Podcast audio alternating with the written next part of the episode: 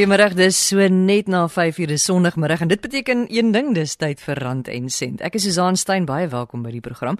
Vir die volgende halfuur gaan ons kyk na wat passiewe aandelebeleggings beteken. Ons kyk ook na die drie grootste risiko's wat sake ondernemings in vandag se ekonomiese klimaat in die gesig staar en hoe jou onderneming hierdie risiko's die hoof kan bied. En dan praat ons oor die afswaai in die supersiklus. Mense hoor dit baie nou deesdae in ekonomiese nuus. Presies wat is dit en wat beteken dit vir ons as verbruikers? As jy wonder waar ons te kry, op RSG 100 tot 104 FM reg deur Suid-Afrika en jy kan natuurlik ook op ons na ons luister op die internet rsg.co.za of by die DStv kanaal 913. Eerste aan die woord is Elena Konradi. Sy is Satrix se hoofuitvoerende beampte. Satrix is een van die grootste maatskappye wat passiewe beleggings bestuur.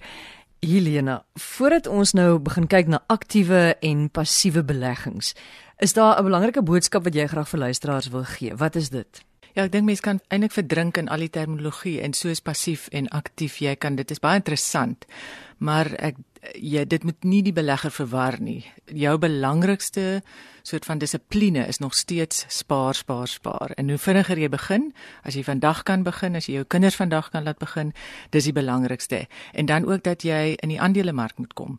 Ehm um, en ek dink dis 'n baie belangrike aspek wat mens verder kan uitbrei ook. Hoekom is dit ook so belangrik om in die aandelemark te spaar? Almal het as kind die spaarvarkie geken en jy was verskriklik in verwondering as jy terugkom nadat jy 10 maande gespaar het en elke maand 'n uh, uh, R5 weggesit het, laat daar R50 is. So jy het gedink maar jou geld het gegroei. Dit het glad nie gegroei nie. So jy kan jou geld vat na 'n bank, dit gaan miskien vir jou rente gee, maar dit gaan nog nie die inflasie monster gaan dit nog nie teenwerk nie. En ek dink dis hoekom nou jy na iets soos 'n aandelemark toe gaan is dat jy inflasie kan teenwerk en jou jy gaan miskien bietjie meer uh, volatiliteit tyd hê, so pryse gaan op en af.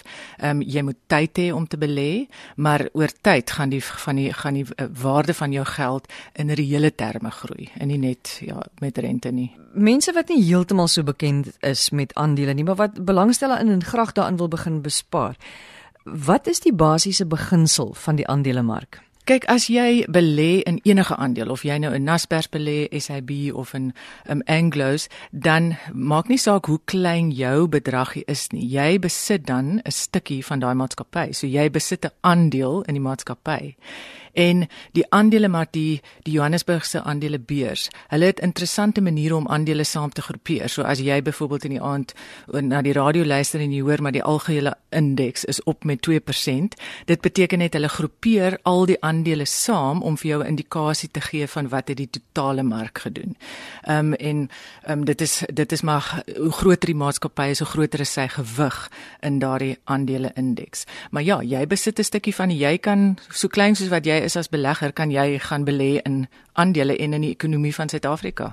Die belangrike ding is om die regte keuse te maak, nê, nee? die die regte keuse van in watter maatskappy gaan jy belê. So hoe leer 'n mens om die aandele te speel en om in die regte maatskappye te belê? Ja, kyk, dis die geheim, né? As ons die regte aandele altyd kon kies, dan sou ek en jy nie nou hier gesit het nie. Ons sou op ons op ons wonderlike skipie daar op die see gesit het, maar daar's verskillende maniere. So ek dink daar's daar's beleggingsstyle en dis waar jy aktief en passief kry. So as jy kyk na die top 40 aandele, um, en hulle hulle klassifiseer dit volgens mark, markkapitalisasie. So dis jou grootste aandele wat die grootste gewig daarin het. Dan kan jy besluit, goed, dit gee vir my genoeg blootstelling aan die mark, want eintlik jy wil net blootstelling aan die ekonomie van Suid-Afrika hê. So jy gaan belê in daardie indeks en jy gaan belê presies volgens die gewigte wat die indeks bereken. Ehm um, dan is daar 'n groep beleggers wat hulle self aktiewe beleggers noem en hulle besluit nee, maar ek kan die maatskappy gaan, ek kan gaan na sy balansstate gaan kyk, sy inkomste state en ek kan 'n sekere siening neem. Ek is baie positief oor Naspers, so daarom gaan ek baie meer as die indeks in Naspers belê. En oor tyd kan dit so werk dat jy beter as die indeks doen of slegter as die indeks doen. En dit is maar waar dit dit is 'n plus en 'n minus. Jy jy moet die keuse maak. Niemand van ons, ons doen dit met soveel as moontlik inligting, maar dis hoekom baie mense besluit die beste manier is kry net algemene blootstelling aan die mark en dit is jou passiewe bestuurstyl. En die verskil tussen die aktiewe en passiewe bestuurstyle of of aktiewe en passiewe beleggings? Dit is presies dit. So as jy die die top 40 aandele het, ons gaan belê as Satrix gaan belê ons presies soos wat die indeks bereken word. So as hulle sê Naspers is 12% in die indeks, gaan ons 12% van elke R12 van jou R100 gaan ons in Naspers belê. R10 in Bulletin, R8 in Anglos, net om 'n voorbeeld te gebruik.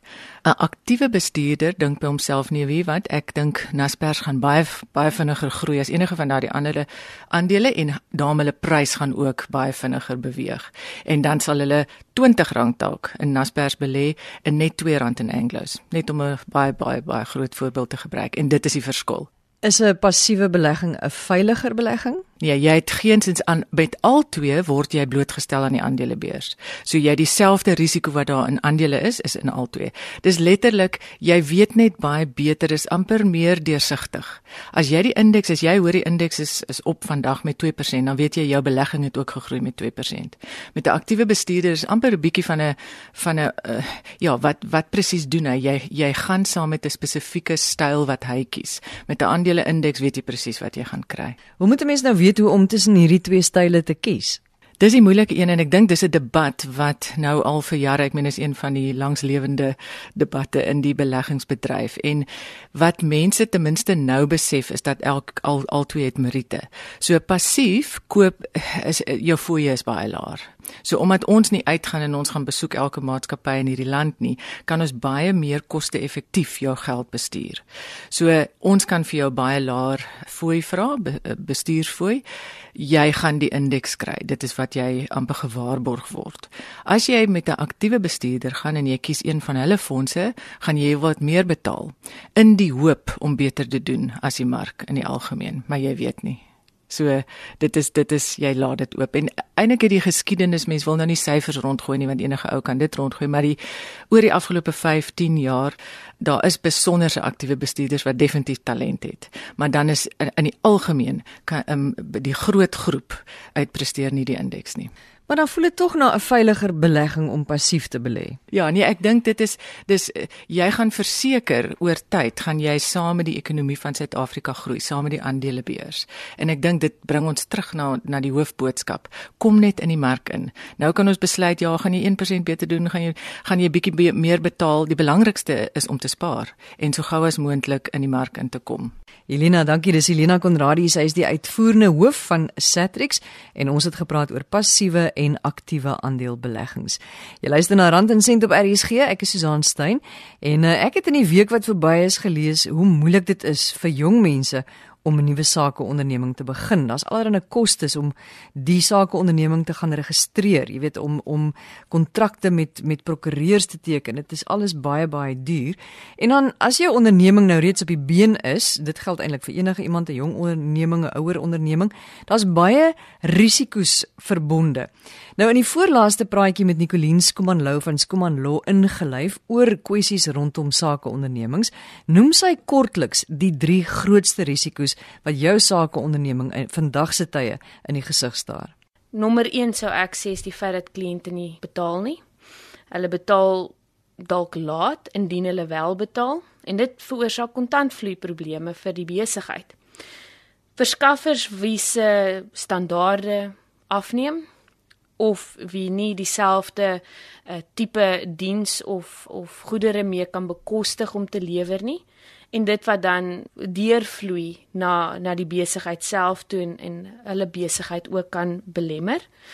En laaste die kostes, die kostes verbonde aan besigheid bedryf, alles word duurder. So die die bestaanskoste, die huurkontrakte, die water en elektrisiteit, al daardie tipe kostes, vervoerskostes word net al hoe duurder. Inflasie word al hoe hoër, so salarisse word al hoe hoër. So dit is regtig die drie grootste faktore in in my opinie. Die vraag is nou, hoe bied 'n mens hierdie risiko's die hoof? Nou dit is natuurlik baie moeilik. Al hierdie risiko's vloei oor na besigheid toe en dit is nie eintlik in hulle direkte beheer om hierdie faktore te kan beheer en dit te voorkom van die begin af nie. So kom ons praat eers oor die kliënte wat nie betaal nie. Nou of mens nou in die in die in dienste staan en of jy produkte lewer aan kliënte, die die beginsel is dieselfde. Ons stel voor aan kliënte oorweeg om deposito's te neem maar ook nie so 'n deposito wat so groot is dat dit jou potensiële kliënt afskrik nie. Mens moet 'n baie fyn balans handhaaf. Verminder jou eie kontantvloei risiko. Met ander woorde, bereken wat kos dit jou regtig om daardie diens wat jy lewer te lewer of die produk wat jy verkoop te verkoop. Jou direkte kostes, jou vervoerskostes, jou aankoopkostes en dies meer. So gaan doen daardie berekening en sien, okay, my koste is is dalk 50% van die bedrag wat ek vra vir die kliënt en daarom moet ek 'n 50% deposito vat. Of my kostes is net 20% of 30%. Maar dit is belangrik om daardie berekening te doen sodat die mens ten minste daardie direkte koste kan dek en om seker te maak dat jy op daardie manier jou kontantvloei risiko verminder. Tweedens, baie belangrik, maak seker dat jy 'n kontrak het met jou kliënte. Teken 'n terme en voorwaardes dokument. Watter basis gaan jou kliënte jou betaal? Wat gebeur as hulle nie betaal nie? Gaan jy rente hê om te probeer voorkom dat dit moet gaan na 'n skuldinvorderaar toe of kan jy dalk van die produkte gaan terugwin en dis meer. So dit is baie belangrik om seker te maak dat mens so dokument opstel en dit dan deur die kliënt laat teken van die begin af.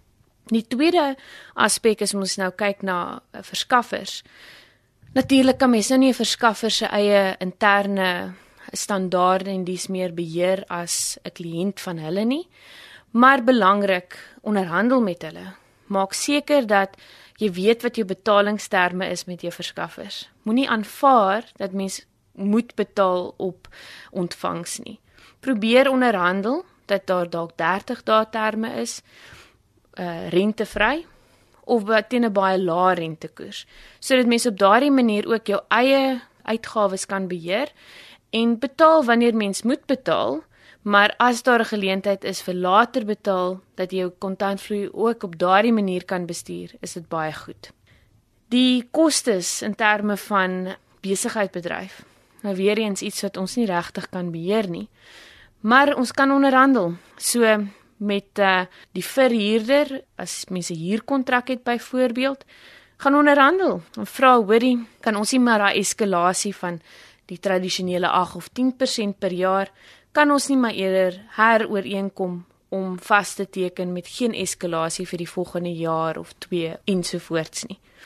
Mens moet ook dan natuurlik kyk watter van jou omset kostes, jou jou direkte kostes om jou besigheid te bedryf is daadwerklik nodig en watter moet mens dalk 'n klein bietjie op begin sny. Mens moet maar aanpasbaar bly in hierdie ekonomiese klimaat. Ons kan nie verwag dat ons net kan aangaan uh sonder om hierdie oorwegings in aanmerking te neem nie. En um om ook te kyk om om wyskoste te sny. Ek sê altyd as 'n as 'n algemene reël, maak seker dat jy nie jou bemarkingskoste sny nie. Dit is soos om jou keel af te sny. So, wanneer mens daardie beraming doen, gaan maak seker dat dit nie kostes is wat die potensiaal van nog kliënte nog besigheid inbring kan verminder nie. As jy nou net jou radio aangesit het of jy ry iewers in jou motor en jy het nou net ingeklim om te ry en jou radio gaan aan en jy wonder waar jy is, ons is besig met Rand en Sent op RSG. Ek is Susan Stein en jy kry vir ons tussen 100 tot 104 FM of wêreldwyd op die internet www.rsg.co.za of die DStv kanaal 913. Die skatting vir die ekonomiese groeikoers vir 2015, dis nou wêreldwyd, is tussen 3 en 3,75%. Nou volgens die indiensnemingsverslag van die vakbond Joasa wat onlangs bekend gestel is, was hierdie syfers 'n bietjie oor optimisties en hulle het dit afgeskaal na 2,9% of selfs laer. Ons groeikoers of liewer ons groeikoers is tans afgeskaal na 0,7% en ons werkloosheidssyfer staan op 26,2%. Nie 'n baie mooi prentjie nie. Nou om te verstaan wat die ekonomiese supersiklus beteken en wat die rol van die afswaai daarvan in hierdie syfers is, het ek met die woordvoerder van die vakbond Joasa gepraat. Hy is Andrei Venter en ek wou by hom eerstens weet wat is hierdie supersiklus? 'n Supersiklus is volgens navorsers en ekonome, ehm um, wanneer daar data beskikbaar is wat vir 'n mens toelaat om oor 'n lang tydperk te kyk. Ons praat van so 30 tot 40 jaar. Kom 'n mens agter dat uh, kommoditeitspryse oor 'n lang tydperk stelselmatig styg en die pryse van die kommoditeite styg as gevolg van verbeterde tegnologie uh, ensovoorts of uh, natuurlik baie bekende faktor is dit wat met China gebeur het. Dit skielik het hy ontwaak en gewellige ekonomiese groei ervaar en so aan. Wat ons dan gesien het wat gebeur het met China is dat uh, op 'n stadium toe hy uh, amper 'n versadigingspunt bereik en daarna het daai supersiklus sy maksimum bereik en dan stelselmatig dan begin hy nou 'n tipe van 'n afswaai fase betree. So dit is maar basies wat bedoel word met 'n supersiklus. Dit is 'n 'n siklus wat oor 'n tydperk van so 30 tot 40 jaar strek. Nou tydens die afswaai van 'n supersiklus is daar baie faktore wat 'n groot negatiewe uitwerking op ons ekonomie het. Andrei verduidelik. As ons na ons spesifieke omstandighede kan kyk, dan sal jy sien dat veral waar dit kommoditeite aanbetref, dan sien jy dat die verskil tussen as jy as jy as jy 'n grafiek sou trek, dan sal jy sien dat die prys van kommoditeite en die ontginning daarvan dat daar 'n gewellige gaping tussen die twee ontstaan.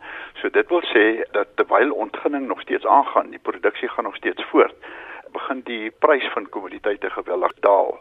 As ons dit nou van toepassing maak op Suid-Afrika, dan vind ons dat myne begin swaar kry want hulle maak nie meer winste nie omdat jy nie meer 'n prys kry vir jou kommoditeite nie. En dit het dan allerlei ander gevolge wat daarop volg soos byvoorbeeld Mike Schuessler wat natuurlik vir ons uh, oor die jare gehelp het met ons um, indiensnemingsverslag het in hierdie geval het hy gekyk na uh, vyf van die ou ekonomiese sektore mynbou vervaardiging transnet elektrisiteit en konstruksie wat hy gevind het as jy kyk na mynbou het ons in, in 1987 toe daar so 763000 werkers uh, min of meer in die mynbedryf was. In 1987 was dit dan 'n staking en so 5 jaar na daai staking het die getal werkers in die mynbedryf gedaal na so 663, so 100000 minder mense. En dan 5 jaar verder het ons gevind dat daar nog 'n verdere 100000 mense minder was in die bedryf en dit beteken dan oor daardie 10 jaar tydperk was daar so 'n daling van so 30% en tans sien ons byvoorbeeld dat daar net so 420 000 werkers in die mynbedryf oor is. Andrei sê in die vervaardigingssektor was daar op die hoogtepunt van die supersiklus ongeveer 1,6 miljoen werkers. Nou as gevolg van die afswaai is daar net 1 miljoen werkers oor en dit is dieselfde hoeveelheid mense as wat 45 jaar gelede in die vervaardigingssektor gewerk het. So as ons dan daardie 5 ou ekonomiese sektore vat en ons vat al die werknemers wat in daardie vyf sektore in diens was, dan sien ons dat daar op die hoogtepunt net so rapsie oor die 3 miljoen werkers in diens was en dan as ons dan kyk teen 2002 was daar net so rapsie oor die 2 miljoen werkers. So ons het 'n totaal van so 1 miljoen werkers het ons dan verloor. As gevolg van dit, nou maar daar nou soveel mense in die werksituasie is, het die ding 'n tipe van 'n van 'n van 'n effek op die ander sektore ook soos byvoorbeeld skielik omdat jy nou nie meer so baie vervaardig nie kry jy nou dat Transnet se treine nie meer loop nie want daar's nie meer goedere om vervoer te word of wat bestem is vir uitvoere nie. Eskom hoef nie meer so baie krag op te wek nie want die vervaardiging sektor het drasties ingekrimp. So mag dalk klink asof Eskom nou al sy probleme opgelos het, maar dit is dalk maar net omdat hulle nou minder krag hoef te ontwikkel en so aan. Hierdie is 'n baie donker prentjie, veral ook omdat niemand weet of kommoditeitspryse gaan herstel en indien dit herstel, hoe lank dit gaan duur om te herstel nie. Maar Andre sê nou dat ons verstaan wat die probleem is en wat die oorsaak daarvan is, moet ons begin kyk na alternatiewe. Ons moet kyk of daar elders dalk werk geskep kan word want elke jaar met nuwe matrikulante wat die wat die arbeidsmark betree, is daar 'n groot vraag na arbeid, maar die ekonomie vaar so sleg. Hy groei nie uh, vinnig genoeg om vir almal werk te kan verskaf nie. So ons moet alternatiewe oorweeg. So wat sou hierdie alternatiewe wees? Deesdae word baie gepraat van die sogenaamde vierde industriële revolusie. Die vierde industriële revolusie is niks anders as wat is die effek van ontwikkelende tegnologie en hoe dit ons in die in die, in die algemene lewe raak en hoe dit die industrie raak. So ons sal moet kyk uh, hoe in elke een van hierdie sektore van die ekonomie wat is die effek van gevorderde tegnologie daarop en watse ander vaardighede het ons nodig en hoe kan ons mense toerus met ander vaardighede laat ons weer in die nuwe velde wat ontgin word laat ons daar kan werk skep. En dan natuurlik ook 'n ander groot faktor is ons loop almal deesdae met selfone. Daardie selfoon se tegnologie is nou so fantasties dat jy kan amper met daardie selfoon 'n besigheid bedryf. Jy kan jou goedere wat jy wil bemark op die selfoon plaas, jy kan dit adverteer, jy kan koop en verkoop, jy kan betaal met hom en so meer. So uh dit is maar een van die goed en dit kan help met entrepreneurontwikkeling en dan natuurlik ander sektore wat in die proses ook na gekyk moet word is uh, goed soos toerisme en uh, dan natuurlik ook uh, weet dinge soos voedselverwerking en so meer. So as Suid-Afrikaners en gegee die swak ekonomiese omstandighede so moet ons maar voortdurend kyk na alternatiewe en um, ons moet maar ons moet maar sorg dat ons altyd op die voorpunt van ontwikkeling bly en dat ons kennis dra van verhoogde tegnologie ontwikkeling en so meer en dat ons dan relevant bly want as ons dit nie doen nie gaan ons gaan ons dit verloor en gaan ons al meer en meer mense sien wat uh, sonder werk sit Soos hy die woordvoerder van Joasa Andrei Venter. Dis die einde van ons program vandag. Onthou as jy enigiets weer wil gaan luister, dan gaan jy na www.rsg.co.za. Jy klik op potgooi en kan jy dit vir jou aflaai, lekker in jou eie tyd gaan luister. Jy kan vir my kontak as jy enige besonderhede wil hê van ons gaste wat gepraat het op die program. Die e-posadres is rsg@gmail.com. rsg@gmail.com en daar kan jy ook vir my jou vrae stuur asseblief. Enige iets wat jy dink ons op die program moet bespreek of persoonlike vrae wat jy het oor jou finansies en laat ook vir my weet baie dankie aan Neil wat laat weet het uh oor hoe hy gespaar het vir sy kinders se se opvoeding of naskoolse opleiding. So as jy enige sulke verhale het wat jy met ons kan deel oor wat jy gedoen het om jou finansiële posisie te versterk of te verbeter of te verander, asseblief laat my weet, deel dit met ons uh want ons wil almal graag leer. Ek groet tot volgende Sondagmiddag 5:00 dan praat ons verder oor finansies. Dankie vir die saamluister en 'n wonderlike week vir almal. Totsiens. Productions.